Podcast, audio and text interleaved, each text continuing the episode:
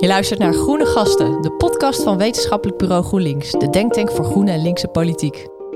Elke zes weken voeren wij een gesprek met denkers en doeners die Nederland en de wereld eerlijker en duurzamer maken. Mijn naam is Suzanne van der Einde. En ik ben Evert Nieuwenhuis.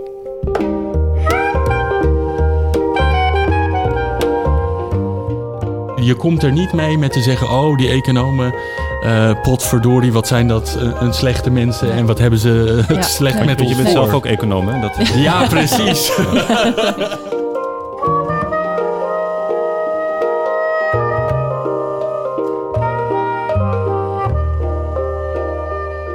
Welkom bij de tweede aflevering van uh, Groene Gasten. En vandaag gaan we het hebben over het machtigste cijfer ter wereld, het bruto binnenlands product, ook wel het BBP.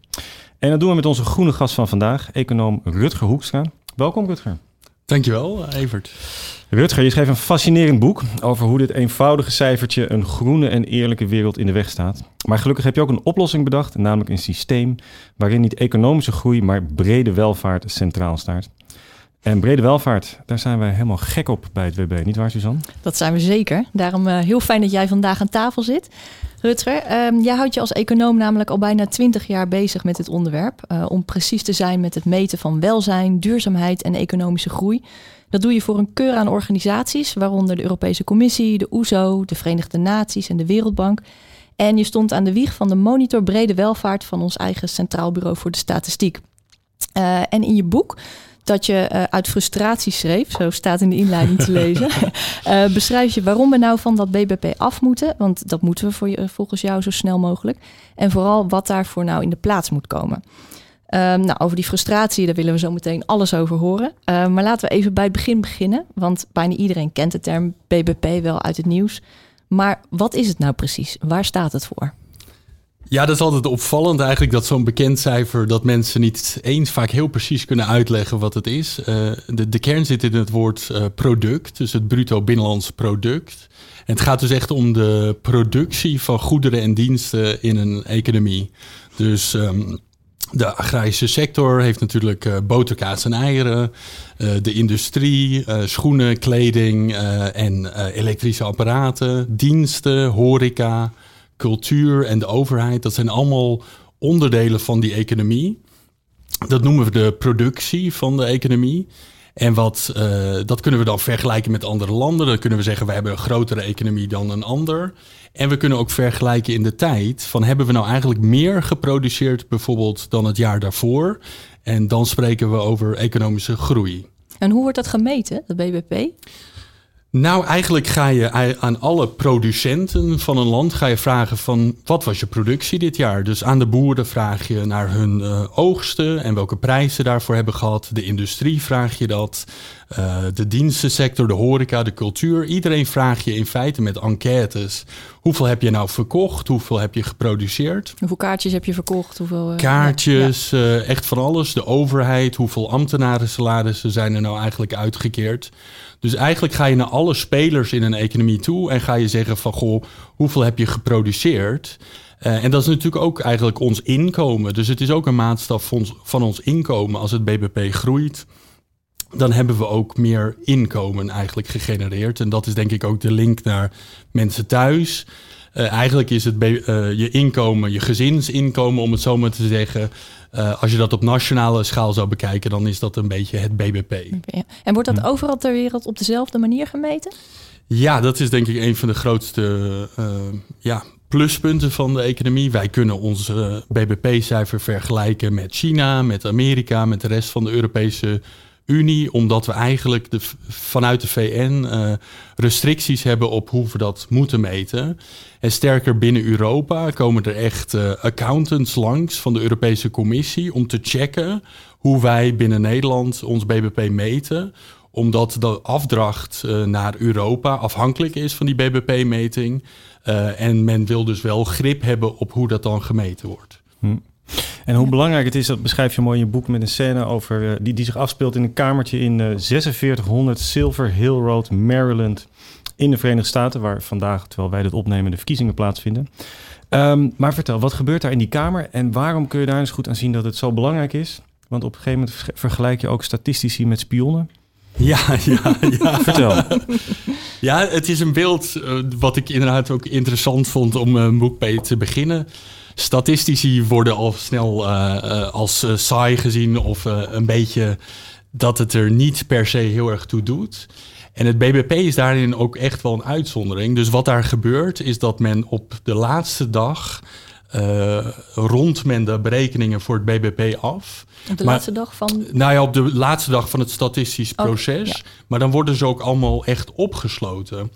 En waarom is dat? Dat is omdat die informatie dus zo belangrijk is. Uh, want daar komt dan uit dat het 2% is gegroeid of uh, eh, 2% is gedaald. Dat is zo zulke belangrijke informatie dat uh, men eigenlijk die statistici opsluit en er bijvoorbeeld voor zorgt dat er geen uh, informatie naar de beurs toe kan worden uh, gecommuniceerd. Dus uh, er is geen internet, er is maar één telefoon. Mensen mogen ook zeg maar niet zomaar die kamer uit, omdat het zo'n belangrijke, ja, zulke belangrijke informatie is dat je er ook echt op de beurs behoorlijk veel geld mee bijvoorbeeld zou kunnen verdienen.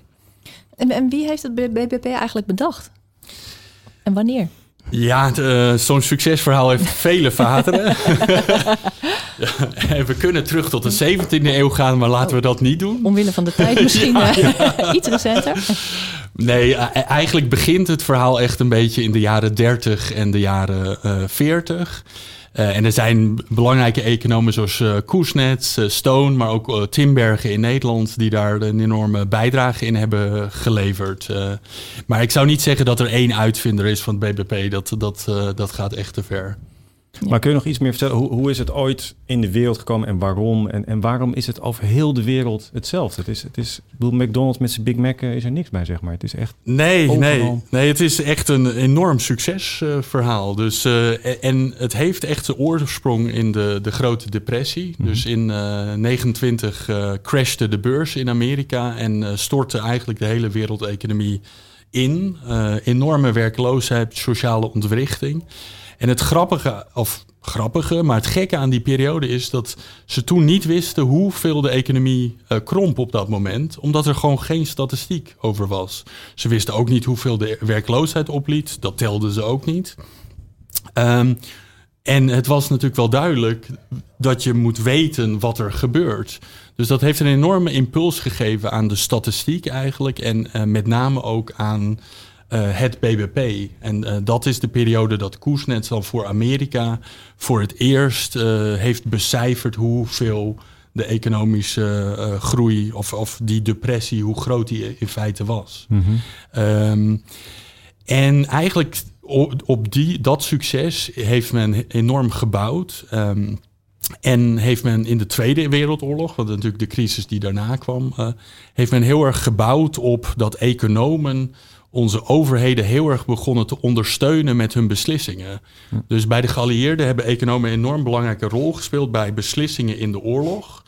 Uh, en wat je dus eigenlijk ziet is dat economen zijn belangrijk geworden. Mensen zeggen heel vaak wat is het succes van BBP, maar je moet het eigenlijk een trapje hoger zoeken en jezelf afvragen waarom zijn economen eigenlijk zo belangrijk in onze maatschappij? Waarom zitten ze bij Nieuwsuur? Waarom gaan journalisten zo vaak bij een econoom langs om te weten uh, hoe het gaat met ons.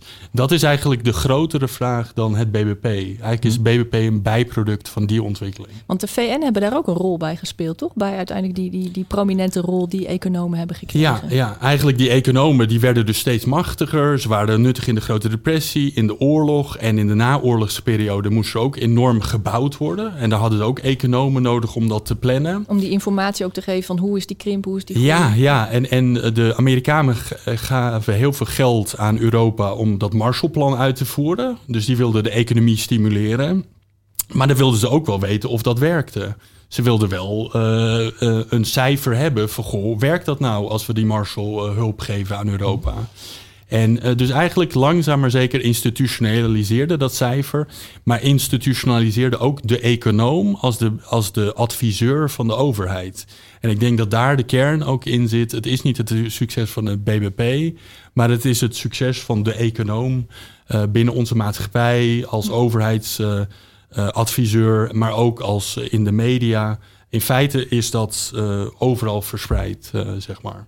Hm, dus met het instrument op zich heb je niet zoveel mis? Heb je niet zoveel, heb je niet zoveel problemen mee? maar het gebruik ervan. Ja. En beter ook eh, Paul Samuelson, een uh, nou ja, bekende of een, een Nobelprijswinnaar, econoom, die heeft het wel eens genoemd de grootste uitvinding van de 21e ja. eeuw. Zou, zou, je dat, zou je dat op zich onderschrijven? Want het klinkt ook wel als een heel nuttig instrument. Economie is ook weer niet onbelangrijk. Nee, absoluut. Uh, het feit, ik ben het daar volkomen mee eens. Ja, de belangrijkste uitvinding van de 21e Nou, de belangrijkste zou ik het niet, okay. niet, noemen. Maar nee, absoluut is het een enorm belangrijk instrument geweest.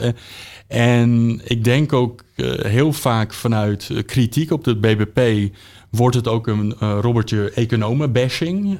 dus in de zin van, kijk die gekke economen en niet alles, um, niet alles is economisch te duiden. En, en waar zijn ze nou allemaal mee bezig?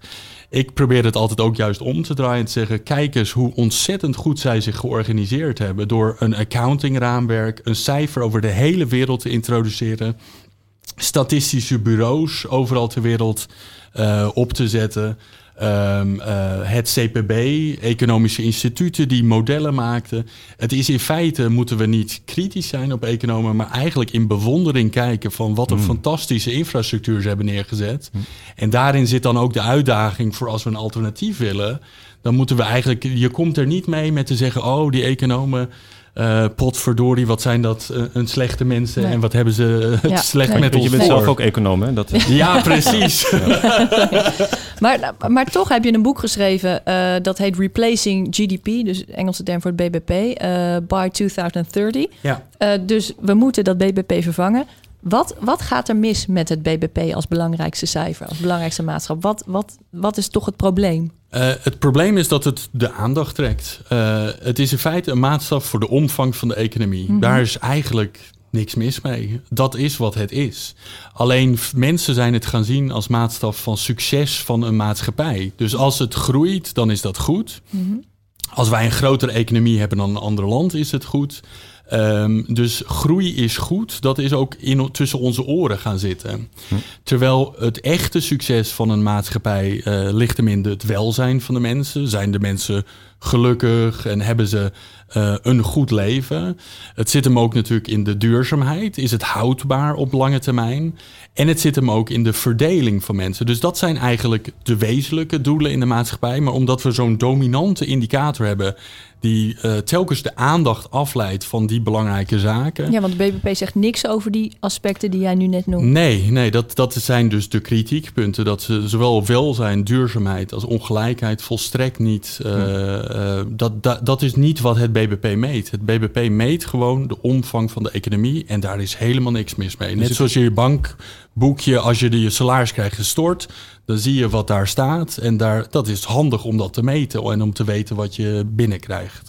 Ja, dus het is een soort fixatie op iets wat we eigenlijk niet het belangrijkste in het leven vinden.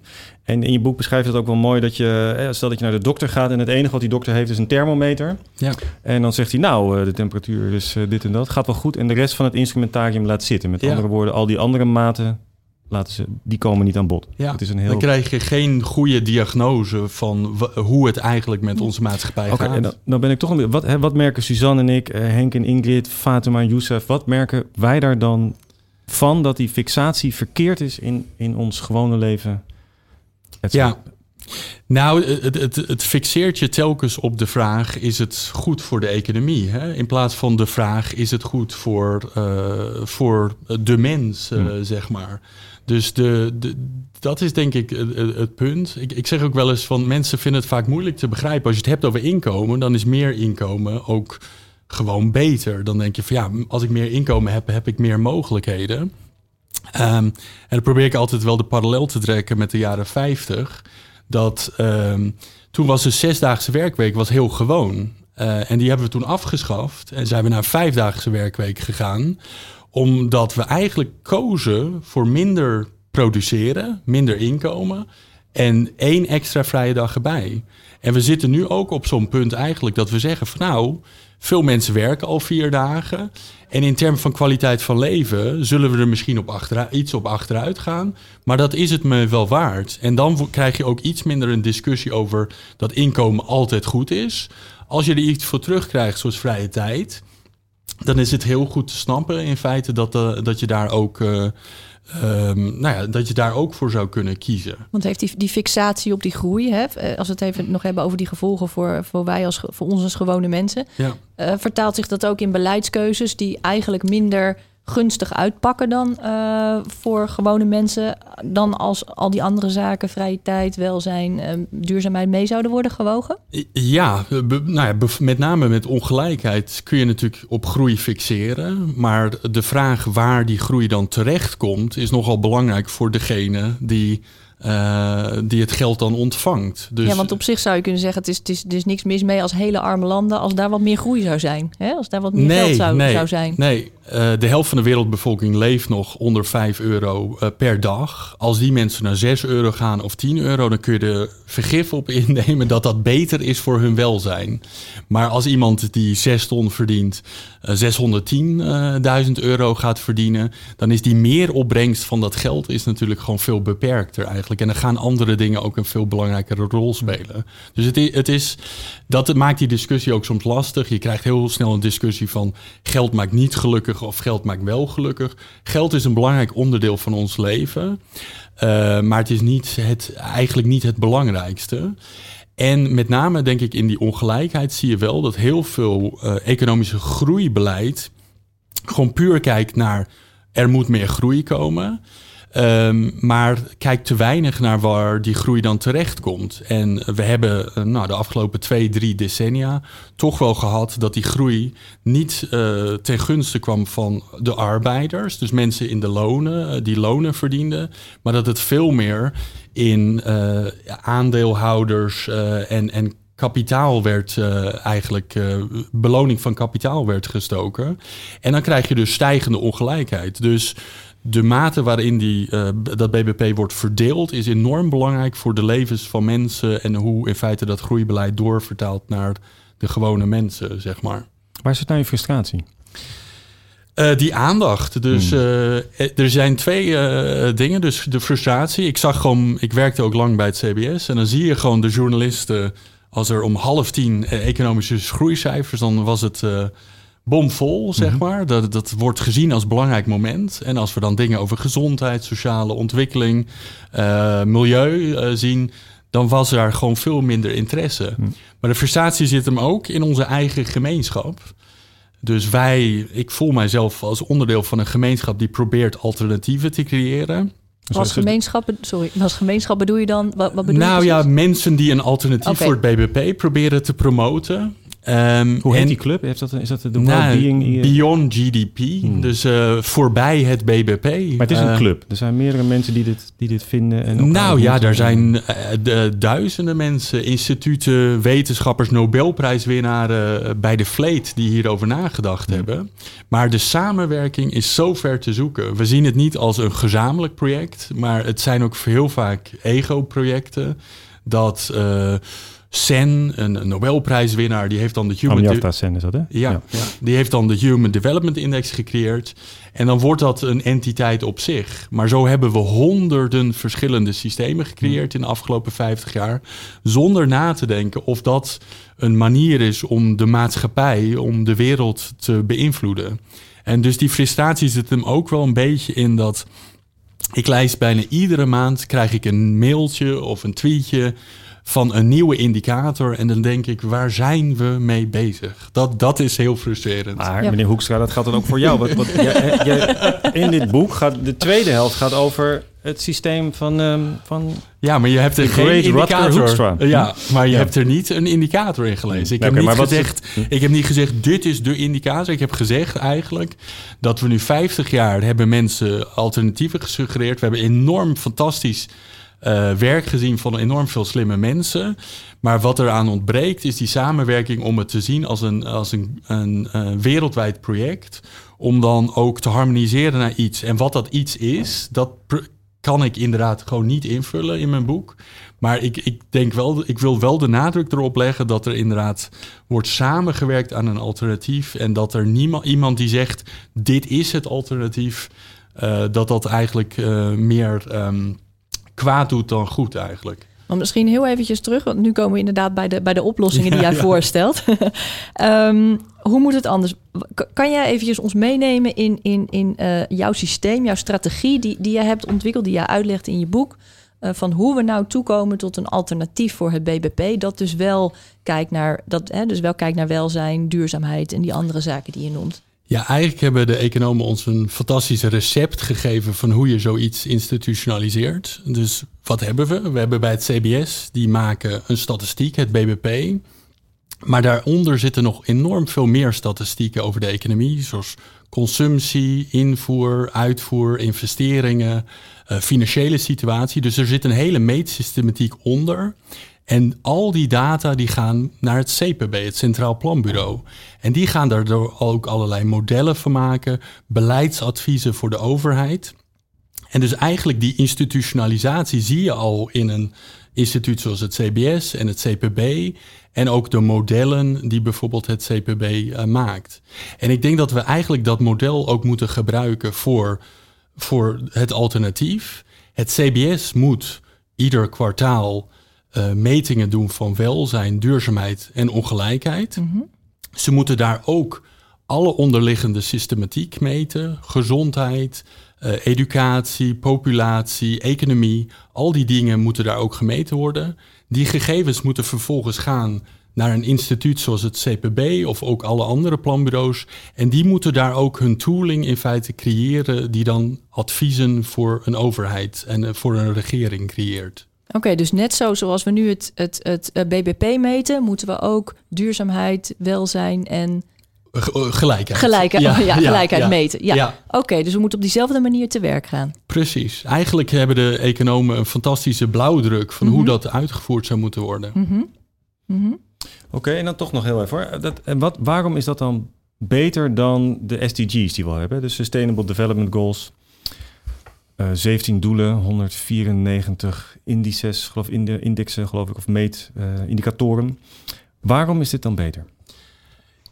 Bij SDG's is het nog echt een, een meetinstrument. Dus je kan voor die 170 eh, doelstelling kun je meten, gaan we dat halen of niet. Dus Maar- voor armoede, eh, dat soort zaken. Armoede, gezondheid, Ja. gender eh, issues, al dat soort zaken kun je meten. Maar als een regering dan vervolgens aan jou vraagt, wat moet ik eraan doen? Dan wil je ook vaak weten wat de interacties zijn tussen die dingen. Eh, economie heeft heel veel te maken met onderwijs. Milieu en economie zijn gerelateerd. Dus al die 170 dingen zijn gerelateerd. Dus als jij beleid voert op het ene, kan dat een positieve invloed hebben op een ander terrein of zelfs een negatieve invloed. Dus bij goed beleid eh, van een regering op het gebied van SDG's heb je ook een onderliggende systematiek nodig voordat je echt goed beleid kan gaan voeren. Ja, omdat je het op dezelfde manier doet, zeg maar. En je Ja. dus die, die uitruil... en Die uitruilen, we- weet je, wa- wanneer heb je een win-win situatie en wanneer in feite heb je eh, iets wat eh, nou ja, ten koste gaat van het andere. Oké, dus als we het eventjes die, eh, hè, st- stel het, eh, eh, het Centraal, het Centraal Bureau voor de Statistiek gaat inderdaad ook die andere drie factoren meten. Dan vervolgens worden daar modellen van gemaakt en die moeten dan toegepast worden op, op beleidskeuzes. Of- of- Ja, in feite zou je bij iedere beslissing, zoals een begroting of een eh, infrastructuurproject of bij arbeidsmarkt, zou je, eh, zou je, willen, we- zou je willen dat het vanuit een brede welvaartssystematiek werd eh, bekeken. En, en de, de beslissing werd gevoed door informatie en modellen eh, me- die die bril in feite heeft. ja, oké. En zoiets is er nu nog niet. Nee, nee. En hoe maak je dat dan hard? Hè? Want het, het BBP is natuurlijk ook zo'n eh, heerlijk hard cijfer. Hoewel ik als ik uit jouw boek lees dat ook wel Ja. meevalt dat het eigenlijk consensus is. Maar goed, maar het is wel een duidelijk cijfer. En hoe je dan gezondheid of welzijn meet, hè? of nou welzijn is dan misschien het overkoepelende, maar gezondheid of die andere indicatoren, zijn ze dan ook goed af te ruilen, zoals jij dat zei? Of uit te ruilen? Nou, i- eh, mijn standpunt daarin is dat er geen enkel perfect eh, manier van meten is. Ehm, als je veel economen het zou vragen, die zouden bijvoorbeeld zetten, zet gewoon een, een prijs op al die dingen. Dus bijvoorbeeld, je hebt het BBP, maar er is ook milieuschade. Nou, wat je dan zou kunnen doen, is een prijs gooien op, ehm, eh, op milieuschade en dat aftrekken van het BBP. Hetzelfde geldt voor vrije tijd. Dat wordt nu niet in het BBP genomen. En dan zou een econoom zeggen van, nou ja, die vrije tijd is wat waard. Bere- becijfer wat dat dan is en gooi dat dan ook op het BBP. En dan, als je het allemaal tezamen neemt, dan krijg je een nieuwe index. En Sommetje. Die, Ja, die noemen we dan de Genuine Progress Indicator. Die wordt al een jaar of veertig of zo berekend in allerlei landen. Um, dus dat zou een econoom bijvoorbeeld suggereren dat dat, uh, dat is dan een indicator ter vervanging van het uh, BBP. Maar ik hoor hem maar komen dat jij dat zo niet wil, of wel? Nou, ik, ik denk dat de, de, de men te veel op zoek is naar een perfecte indicator. Ik denk eigenlijk dat er geen enkele perfecte indicator is. Um, en dat we het eigenlijk moeten doen uh, met indicatoren die allemaal een beetje imperfect zijn. Um, ik vergelijk het een beetje met uh, Star Trek. Uh, ik weet niet of jullie die serie uit de jaren 60 ke nog kennen. Maar um, daar was een dokter en die had een, een uh, apparaatje. En daar kon hij eigenlijk de gezondheid van iemand kon hij perfect meten. Dus hij, dat apparaatje richtte je gewoon op iemand. Ja. En dan had je binnen de kortste keren had je um, een diagnose van waar, welke ziekte iemand had dat is natuurlijk science fiction. Wat wij hebben is een dokter die allerlei instrumenten heeft, zoals je net zei, Evert. Allerlei instrumenten die allemaal imperfect zijn. Dus een, een thermometer zegt iets, een bloeddrukmeter zegt iets, een echo zegt iets. Maar eigenlijk geen van alle is perfect. En waar ik een beetje bang voor ben, heel vaak in deze discussie zeggen mensen: ik heb de perfecte vervanging van het BBP. Uh, maar eigenlijk is dat gewoon schijn. Eigenlijk geloof ik daar niet in. En wat je veel beter kan doen, is net zoals die dokter. Als er een dokter bij jou binnenkomt en die zegt: Ik heb alleen maar een thermometer en ik ga een diagnose van jou stellen. Dan denk je: Die, die, is, die, ja. is, uh, die is helemaal gestoord. Maar als wij het hebben over een vervanging van het BBP, dan, dan kunnen wij niet weer spreken als iemand zegt: van nou, ik heb toch de perfecte indicator gevonden. En die gaat alle kwalen van de wereld, zeg maar, gaat die eigenlijk meten. Dus ik pleit er heel erg voor. Ik ben niet degene die zegt van bijvoorbeeld monetarisering van milieu vind ik belachelijk en dat zou nooit moeten gebeuren. Dus in dat, geld uitdrukken. In geld uitdrukken. Uh, veel mensen zijn daar ook falikant op teken. Ik denk dat het echt wel iets zegt over iets, maar zodra economen gaan zeggen dat dat de waarheid is over wat, hoe het gaat met uh, de wereld, dan, dan, uh, dan zijn er heel veel andere instrumenten om ook nog inzicht te bieden. Dus hoe moet het nu wel? Hoe het wel moet, is in feite dat we moeten gaan wennen aan, uh, um, ik denk, drie uh, of tot vijf andere indicatoren uh, die um, welzijn meten, mm -hmm. duurzaamheid en ongelijkheid. eigenlijk die drie aspecten zijn denk ik de kern van welzijn, wat we moeten meten. Duurzaamheid ja. en ongelijkheid. En dan voor ieder van die dimensies, um, dus bijvoorbeeld voor welzijn, nou ja, dat, hopelijk kom je daar tot één. Uh, dat zou kunnen, dat je in dat proces van onderhandeling, wellicht kom je tot één. Je moet nooit de pretentie hebben dat dat een perfecte indicator proces is. Proces van onderhandeling tussen de verschillende mensen die ja, daarover ja, nadenken? Ja, dus in dat proces wat ik dan beschrijf, moeten, uh, zou daar dan uh, um, consensus over moeten komen. Hopelijk op één, uh, bijvoorbeeld voor welzijn. Maar uh, de optie moet er ook open komen dat het misschien meerdere zijn, omdat je net niet alles meet wat je zou willen. Hm. En dan voor ieder van die drie dimensies gewoon kijken van hoe zou je daar een indicator van kunnen maken, zonder ooit de pretentie te gaan hebben dat het een perfecte is. Want hm. uh, daarvoor denk ik dat de wetenschap gewoon niet ver genoeg is. En, en waarom gaat dat dan wel een goede vervanging? Uh, waarom gaat dat het BBP dan wel van zijn troon stoten? Want jij zegt zelf, uh, er wordt al 50 jaar over alternatieven ja, ja, ja. nagedacht. Er zijn, al, er zijn al verschillende systematieken. Wat maakt dat dat niet gelukt is en dat jouw voorstel wel gaat lukken? Nou, het gaat alleen lukken als uh, dan ook inderdaad alle landen van de wereld, dus in dat proces, als dan alle landen in de wereld dat ook doorvoeren, zeg maar. Dus, dus die, die, systematiek en die, wat er uit die onderhandeling komt, moet dan ook uitgevoerd worden. Ja. Dat, uh, dat is in feite. Uh, en als dat niet zo is, dan gaat het ook niet lukken. Dus, dus dan moeten China en Amerika het eens ja. worden over, een, ja. over wat welzijn is. Nou, wat te ja, ja. Gaat dat lukken? Uh, wel als je de discussie uh, bij die systematiek houdt. Dus die systematiek, daar zitten eigenlijk veel minder controversiële dingen in. Dus hoe je CO2 meet, arbeid, gezondheid, dat soort type dingen. Dat, dat is verrassend genoeg. Zijn er al heel veel trajecten die daar aan het harmoniseren zijn.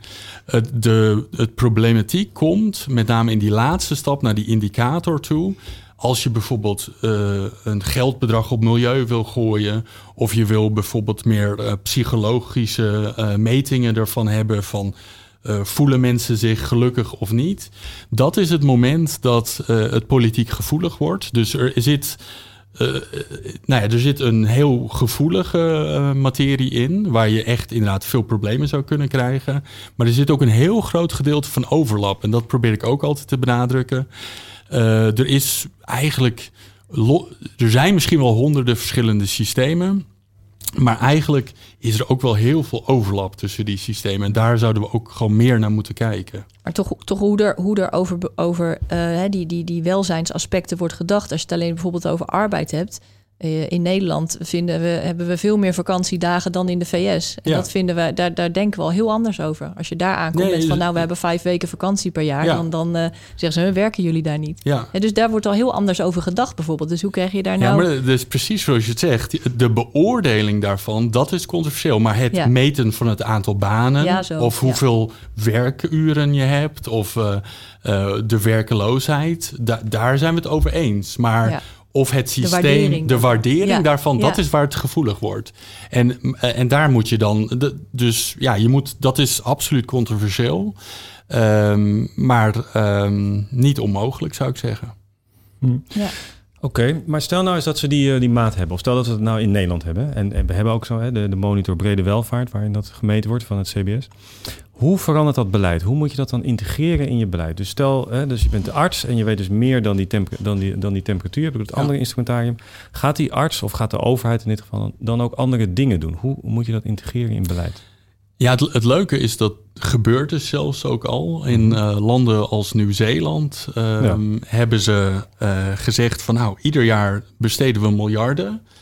Uh, in onze begroting. En uh, de doelen die we daarmee hebben zijn niet volstrekt helder. Economie speelt daar een grote rol in, maar wat is nou eigenlijk het doel? En die hebben heel expliciet gezegd: uh, welzijn is het doel van onze begroting. Dus we willen de welzijn vergroten van onze, van onze burgers. En dan krijg je natuurlijk een hele andere verdeling van gelden. En dat is denk ik ook waar we naartoe moeten streven. Meten aan zich verandert niet per se heel veel. We meten natuurlijk al 40 jaar klimaatverandering, maar het gaat tergend langzaam om daar iets aan te doen. Dus meten is weten, maar meten is nog niet doen. En dat is wat Nieuw-Zeeland dan doet. Die gaan dan echt consequenties daaraan verbinden dat ze de gelden in die begroting anders gaan verdelen dan voorheen. En dat heeft ertoe geleid dat zij meer hebben geïnvesteerd in uh, mentale gezondheid, in kinderen uit uh, kansarme gezinnen en ook in de Maori-gemeenschap, dus in achterstands. Uh, uh, groeperingen. Mhm. En dus voor die groeperingen heeft dat wel degelijk tot een verandering in het beleid geleid. En kun je dat ook zien? Want dat zo'n anderhalf jaar geleden is dat uh, geïntroduceerd. Dat daarin, ja. dus de, de well-being budget uh, ja. noemden ze dat geloof ik. Kun je daar na anderhalf jaar iets al over zeggen? Dat daar inderdaad die, die gebieden die je net noemde, of die, die aandachtsgebieden, dat daar dan dat daar het welzijn verhoogd is? Of eh, van die specifieke dingen niet. Maar wat ik heel interessant vind, is hun reactie op de coronacrisis. Ze mhm. worden natuurlijk ook gezien als een van de succesvolste landen op het gebied van corona. En, een eiland. Wat zeg je? Een eiland. Een eiland, absoluut. absoluut. Maar ze hadden ook. Eh, zij hebben minder onderhandeling gehad over bijvoorbeeld um, uh, groepsimmuniteit. Maar dus, dat komt door dat budget, denk ik. Nou, uh, Jacinda Ardern, de, de, premier, die heeft heel vroeg gezegd... ik ga niet voor groepsimmuniteit. We gaan geen mensenlevers, zeg maar, opofferen... Uh, door te zeggen van nou, laat die pandemie maar een beetje woeden. We gaan heel vroeg en snel ingrijpen als er, um, als er een uitbraak is. Ja, maar dat is gerelateerd aan dus, dat... Dus nou, kijk, dat, dat, kijk, vanuit een politieke filosofie is er een welzijnsbudget gecreëerd. En vanuit een politieke filosofie is er ook een coronabeleid gebudgeteerd. Uh, wat um, dus twee signalen die ik zie dat dat wel degelijk uit die welzijns komt. Allereerst dus dat zij absoluut nooit ter discussie hebben gesteld dat groepsimmuniteit uh, zeg maar een optie zou zijn. Want dan krijg je natuurlijk een soort afweging toch tussen menslevens en economie. Dus zij zijn veel harder eigenlijk en vroeger in hun ingrijpen. En het tweede aspect is dat ze toen zij de, uh, de economische ontwikkeling bespraken van de crisis, want ze hebben natuurlijk een, e- ook een enorme economische crisis. Toen hebben zij bijvoorbeeld al heel snel de, uh, de discussie over de vierdaagse werkweek uh, geïntroduceerd. Dus niet alleen zeg maar is het als werk minder wordt, kun je natuurlijk ook kiezen om dat werk toch te verdelen over meer mensen, waardoor de pijn eigenlijk van die economische crisis anders ligt. En ik denk wel, kijk, is dat direct uh, die welzijns? Ik denk wel dat uh, vanuit die denktrand dit soort beleid sneller tot stand komt eigenlijk dan als je toch telkens in je achterhoofd hebt, ja, de economie moet stijgen, Precies. de economie ja. moet stijgen. Ja. En we hebben in Nederland dan die, die monitor brede welvaart, waar jij uh, aan, aan, hebt meegewerkt. In hoeverre is dat een stap in de goede richting? Of kan dat een rol spelen bij, een, altern bij een andere, ander meetsysteem? Nou, wat ik daar zo belangrijk aan vind, is dat het, je ziet het zich ontwikkelen van een meetinstrument uh, wat redelijk uh, uh, dat is een goede stap om iets te meten. Dat meet duurzaamheid en, en welzijn en ja. ongelijkheid in ieder geval, die, die, die, belangrijke aspecten. Ja, ja, misschien even inderdaad een stapje terug. de motor uh, brede welvaart meet inderdaad hoe gaat het met de mensen in het hier en nu. Dus eigenlijk welzijn. Hoe gaat het met de toekomst? Zijn er ook zorgen over de toekomst? En ze meten ook heel erg, uh, hebben we een impact op andere landen? Uh, en de ongelijkheid. Dus eigenlijk al die aspecten die we net bespraken, die zitten daar ook in. Heeft onze economische groei impact op andere landen of zo? hoe bedoel je? Ja, uh, nou ja, als wij natuurlijk, als onze economie groeit, ja. dan uh, gaan we bijvoorbeeld meer grondstoffen ja, uit Afrika halen. dat heeft positieve aspecten, maar kan ook negatieve aspecten. En we hebben ook heel veel productie naar China verplaatst. Dus ook heel veel van onze CO2 voor onze consumptie wordt eigenlijk in China wordt dat uh, geëmiteerd. Dus het is wel belangrijk om altijd te kijken naar hoe je het eigenlijk doet uh, ten opzichte of uh, ja, bij andere ja. landen. En wat ik daar, wat, het is fantastisch dat er een meetinstrument is geplaatst, maar ja, zoals gezegd, eigenlijk meetinstrumenten hebben we bij de fleet over de hele wereld. En wat gewoon spannend is, zeker in deze periode in, in Den Haag en in het land, is of dat meetinstrument ook een beleidsinstrument wordt. En dat er dus ook bijvoorbeeld een begroting uh, bijvoorbeeld wordt opgesteld. Of als we grote infrastructuurprojecten hebben, gaat men dan ook vragen van goh, kun je dat meetinstrument ook gebruiken om bijvoorbeeld uh, beleidsbeslissingen te maken of een begroting op te stellen. En dat is denk ik het punt waar we nu zitten of dat meetinstrument ook door kan breken in, in echt daadwerkelijk beleid. Zoals in Nieuw-Zeeland dan is. Uh, Precies, zoals in Nieuw-Zeeland. En er zijn heel wat uh, moties um, vanuit de Tweede Kamer en uh, ook vanuit GroenLinks, D66 en ook de planbureaus zijn er heel erg mee bezig van hoe gaan we die stap nu zetten van meetinstrument naar beleidsinstrument. Maar dan zou je dat denk ik ook op veel groter, op, op in ieder geval op Europese schaal moeten, moeten, nou, moeten ik denk dat, Of kan je gewoon beginnen dat, met, met, met ik je zou, land? Nee hoor, daar hoeven we niet voor te wachten voor Europa. Het is echt fantastisch dat dat binnen Nederland, dat die ontwikkelingen daar al zijn. En daar, je hoeft niet een of ander heel groot meetsysteem over de hele wereld te introduceren voordat je daarmee aan de slag kan. Nou, dat is wel een mooi voorbeeld van is toen de commissie Borslap het rapport had over arbeid. Um, wat, nou, wacht, was het? Nee, dat was de WRR, sorry. Dus de WRR had een rapport over uh, werk, heet het dan. En daar hadden ze, uh, een van de centrale figuren was zeg maar de, de, de, de brede welvaart roos, zoals dat dan heet. Hè? Dat je een soort cirkel zag. En dat ze daar ook uitlegde van, nou, werk geeft heel veel. Of, hè, ja. uh, geeft inkomen, et cetera. Maar het kost ook dingen, stress, et cetera. Nou, dat hadden ze allemaal geïnventariseerd. En dat zag je dus ook in die figuur. Zo van zo draagt werk bij aan brede welvaart. En wat ja. ik begrijp is dat er ambtenaren zijn op sociale zaken en andere departementen die dat echt uitgeprint hebben. En dat bijna als richtsnoer houden van nou ja, daar is het rood in dat kwadrant.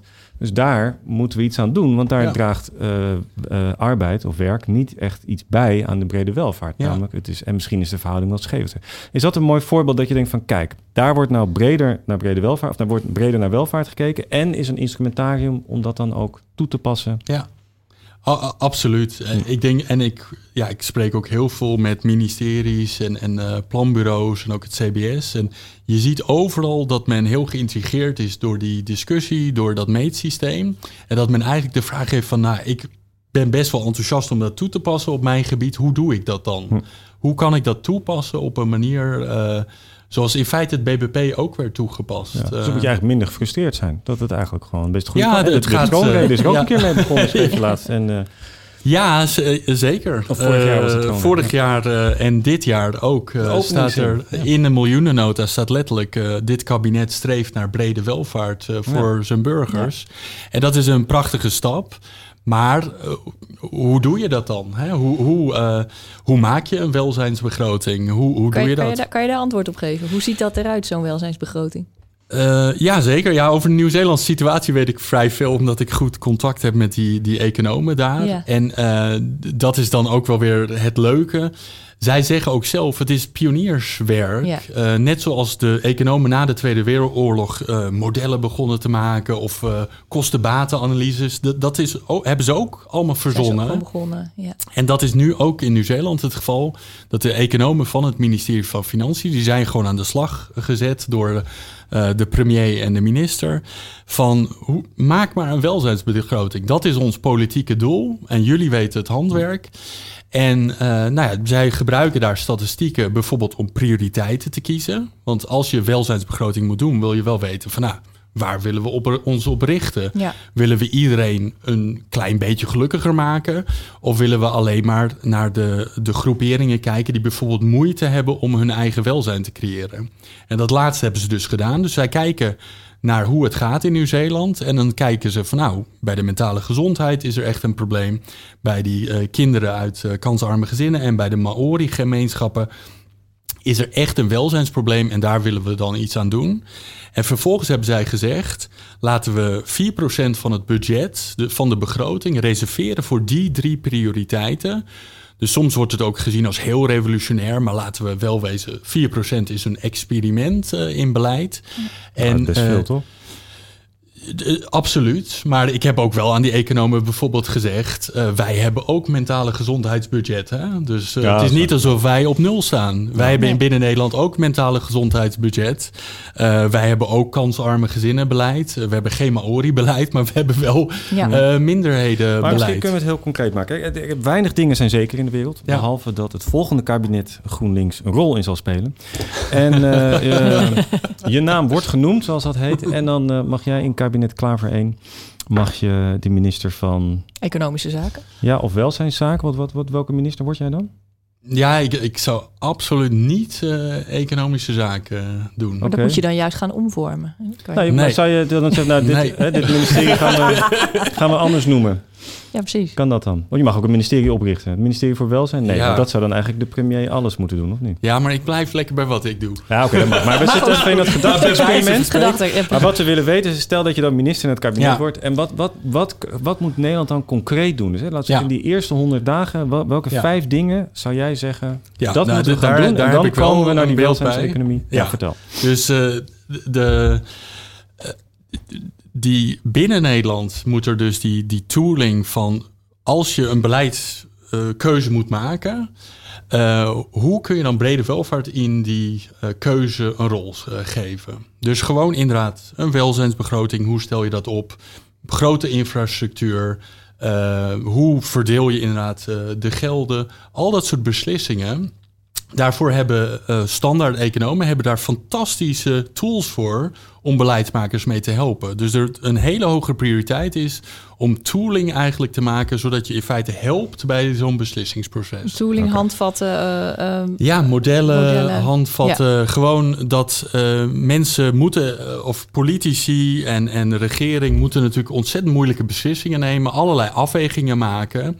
En economen maken het makkelijk door te zeggen van nou, we hebben een model of we hebben een kostenbatenanalyse, waardoor je nou ja, iets meer zekerheid hebt over een moeilijke beslissing. En Dus- zo dus denken wij te maatregel weinig. één. Dat, dat, Dat is maatregel 1.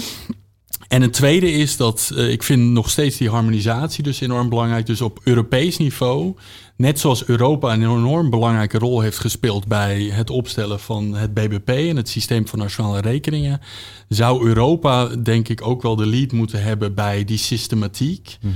Want ik denk als je dit alleen in Nederland invoert, dat je uiteindelijk niet per se de discussie weg eh, krijgt van de economie. Eh, zolang je we niet dit ook zien als een wereldwijd project, zeg maar, waarbij eh, je ook echt een alternatief narratief in de maatschappij wil, eh, wil lanceren, dan gaat dat niet lukken. Dus Maar je dan, hoeft... blijft, dan blijft het te beperkt. Dan wordt het meer een, een, soort experiment van, alleen Nederland. En dan ga je niet breder Nee, nee. verandering teweeg brengen. Nee, ik, ik eh, bekijk nu bijvoorbeeld eh, kranten. Dus eh, hoe, hoe is het economisch narratief? Hoe verspreidt dat in de maatschappij? Hè? Dus, Ja. En het, je kan gewoon laten zien dat de New York Times bijvoorbeeld veel meer het woord economie gebruikt dan bijvoorbeeld in de jaren 30, 40.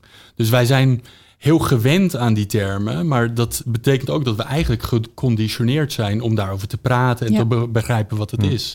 En het woord economische groei is dus pas in 1955 in de New York Times terechtgekomen. Echt waar? En nu zitten we in de situatie dat iedereen denkt dat het een heel normaal woord is. Iedereen heeft er een associatie bij. En zo verander je natuurlijk wel een narratief in een maatschappij.